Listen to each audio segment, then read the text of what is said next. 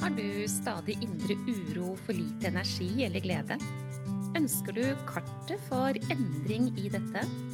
Hver episode er dedikert til å gi deg gullnøkler for livsglede og ro.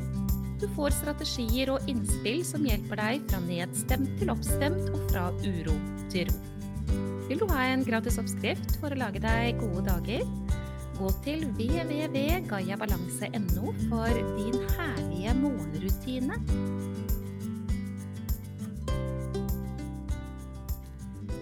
Denne episoden skal handle om den helt nødvendige balansen mellom gjøre og være. Og du, det er kanskje litt rampete at jeg tar opp dette her nå rett før julen setter inn. Men eh, jeg har en mening med det, og jeg tenker at eh, dette er vel kanskje den beste tiden å si mer om det på òg. For eh, hvis du nå, i de siste ukene før julen, har kommet, og nå gjelder, har gjort og gjort og gjort og gjort, og ikke balansert med det som er været, så kan det være at du faktisk kjenner det nå.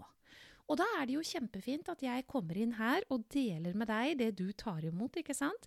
Og det gjelder jo selvsagt nå i forbindelse med julen, men det kan jo være at du lytter til denne episoden her midt på sommeren en eller annen gang. det kan jo skje. Og det gjelder egentlig uansett.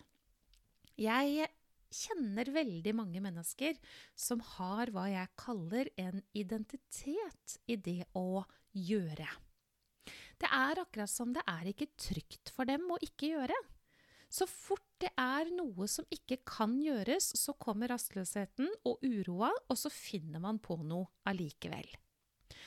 Det er jo i utgangspunktet ikke noe galt i å gjøre, det er bare det at det kan være lurt å se litt nøyere etter på årsaken til at man gjør og gjør og gjør.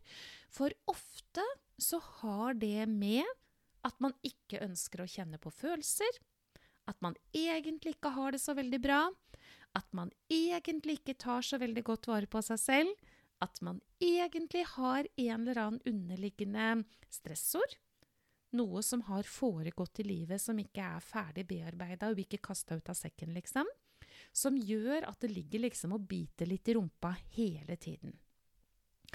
Jeg eh, tror at uh, veldig, veldig mange har en ubalanse mellom gjøre og være. Og før jeg går litt nærmere inn på det her, så har jeg jo lyst til å kaste ut i lufta hva i alle dager er være? Når er det et menneske bare er i være? Og hvorfor i alle dager er jeg så veldig opptatt av det her? jo, du kjære lytter, ta se for deg en sånn eh, gammeldags vekt. Den har eh, en stang i midten og to skåler, ikke sant? Og for at mennesket skal være i balanse, fysisk kropp, så alle systemer i kroppene våre fungerer til det beste for oss, og også psykisk, så vi kan ha en passe dose gledestanker og gode følelser servert hver eneste dag, at vi sover godt, at vi har en passe dose energi, at vi ja, i det hele tatt syns det er ålreit og passe lystbetont, så må det være balanse mellom de to vektskålene der. Og jeg har da navn på de to skålene. Den ene skåla heter gjøre, og den andre skåla den heter være. Og det er en sikker vei mot ubalanse, både i forhold til den fysiske kroppen, i forhold til sinnet og i forhold til emosjoner. Og ikke sørge for den balansen. Det skjer ikke rundt neste sving, da, men det skjer over tid. Og går man der med ubalanse mellom gjøre og være over tid i livet, ja, så vil symptomer på uhelse komme. Det kan være alt ifra at man ikke har så mye glede, at man føler at man ikke har tilstrekkelig energi, at man ikke sover så godt, at man har muskelspenninger og plager, at fordøyelsen ikke virker så godt, og uh, til kroniske ulike utfordringer. Jeg har, altså jeg har lyst til å banke i bordet her jeg sitter.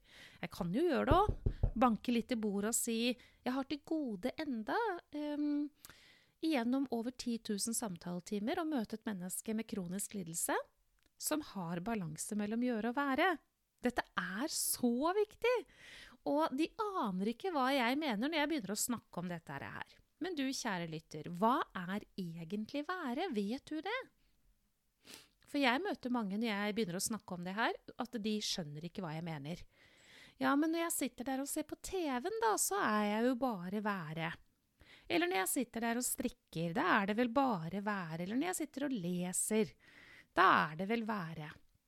Og det er ikke helt sant, fordi du gjør jo noen ting. Du leser, du sitter og ser på TV-en, du sitter og strikker. Um, er ikke sikkert det er fullstendig være i det der. Det kan hende du har plassert deg utenfor deg selv i gjøre.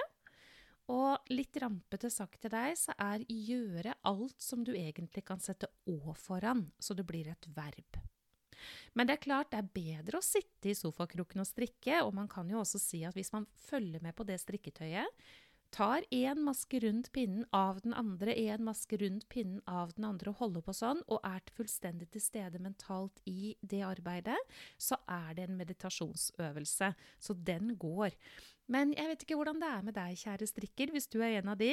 Er du fullstendig til stede i strikkearbeidet ditt, eller er du der hvor tankene flyr i alle retninger? For da er du ikke i været lenger, da er du ikke i meditasjon. Eller jeg vet at i dag er det populært å, å, si at det er den beste, beste meditasjonen som finnes. Ja, men da skal du være veldig bevisst på hva det er du holder på med med det strikketøyet mellom hendene dine. Ellers så er det ikke lenger en meditasjonsøvelse. Meditasjon for øvrig er været, bare så det er sagt. Men i alle fall, veldig mange mennesker de har en identitet i gjøret. Det betyr at når jeg gjør, så er jeg. Jeg har noe jeg må bevise. Det er ikke sikkert jeg vil innrømme at jeg trenger å bevise, men jeg har lært meg til at når jeg gjør, så kan det være jeg får noen tilbakemeldinger. Kan hende jeg kjenner at jeg er verdifull, det kan hende jeg kjenner at, jeg, at noen setter pris på det jeg holder på med, det kan hende jeg kjenner at det er eh, fint å være for andre, f.eks., altså i det å gjøre noe for andre. Eller det kan være jeg har lært meg til å gjøre for å slippe å kjenne på. Og det der går ikke. Det gjør faktisk ikke det. Det er en lekkasje av energi, energi i dette her. Og det som er minst heldig, det er altså det faktum at man ikke har lyst til å være til stede i det som foregår på innsiden av seg selv. Veldig mange av oss er fryktelig dårlige på det, og, og, og, har laget en del strategier for å unngå å kjenne etter. Men ta sett begge føttene i underlaget du nå, kjære deg, og så blir du litt klar over denne vektskåla, og så ser du på hvor mye gjennom dagene ligger da på den siden som heter gjøre, og hvor mye gjennom dagene ligger på den siden som heter være. Og jeg sier til de jeg hjelper, fra uhelse til helse og fra uro til ro, og fra å være et sted hvor det ikke er godt å være, til å komme et helt annet sted, at uh, denne nødvendige balansen mellom gjøre og være, ja, dit er vi nødt til å komme. Og for de aller fleste så er vi da nødt til å ta bort noe å gjøre. Vi er nødt til å gjøre noe på en annen måte, dvs. Si med en bevisst tilstedeværelse i gjøre. Og vi er nødt til å øke tiden med være. Og det å være i være uten et verktøy som hjelper oss til det, det er på det nærmeste umulig. Og jeg slår alltid et slag for det å gjøre helsefremmende pust, for det å gjøre enkle fysiske øvelser og være til stede i bevegelsen og pusten, for det å bruke meditasjonsteknikker, og mitt hjerte ligger i medisinsk yoga. Så kan det hende du sier med Monica, kjære deg, det er jo også å gjøre. Ja, men effekten i oss, det tilsvarer været. Så det eneste vi kan få lov til å putte som egentlig er gjøre på væresiden, det er yogisk praksis, meditativ praksis, en bevisst tilstedeværelse i sansene. Da går det helt fint. Men hvis man ikke holder på med noe av det der, og gjør og gjør og gjør og gjør, så blir den vektskåla seende sånn ut som du da med en gang forstår at den blir. Det er en side som er fryktelig tung, og en side som er veldig lett. Og kjære lytter, det går ikke upåakta hen. Det gjør ikke det. Det blir ubalanse i den fysiske kroppen. Det blir ubalanse i forhold til tanker, hvilke tanker vi får servert, og hvor fokuset vårt er. Og det blir ubalanse veldig fort i forhold til våre emosjoner. Og da er det det negative og vanskelige og tunge og utfordrende og krevende og alt dette som ble som det ikke skulle, og alt som ikke ble og sånn, som øker i fokus. Og der er det veldig slitsomt å være. Så kanskje det er sånn for deg nå, eh, for jeg snakker med deg nå rett før jul. eh, og i så fall, så se litt etter, og bruk innsikten din til å forstå hvorfor du har kommet dit. Så legger du armene dine rundt deg selv, og så anerkjenner du at dette visste du ingenting om, du kunne ikke dette, du kunne ikke gjøre noe med det, men at fra nå av så skal du øke oppmerksomheten din og være mer bevisst på balanse mellom gjøre og være. Og et veldig fint sted å begynne for å få balanse i helheten her, det er i gaven som jeg har laget til deg, din herlige morgenrutine. Og den får du når du klikker deg inn på hjemmesiden min, eh, www.gayabalanse.no, og sier ja takk, Monica, jeg vil ha min herlige morgenrutine, jeg vil ha balanse i meg, jeg vil ha passe dose glede. Helst så mye som mulig. Jeg vil i hvert fall ha et best mulig trivelig sinn å være med i, en best mulig kropp å bo i. Jeg vil ta godt vare på meg selv, og da er din herlige morgenrutine et fantastisk sted å starte.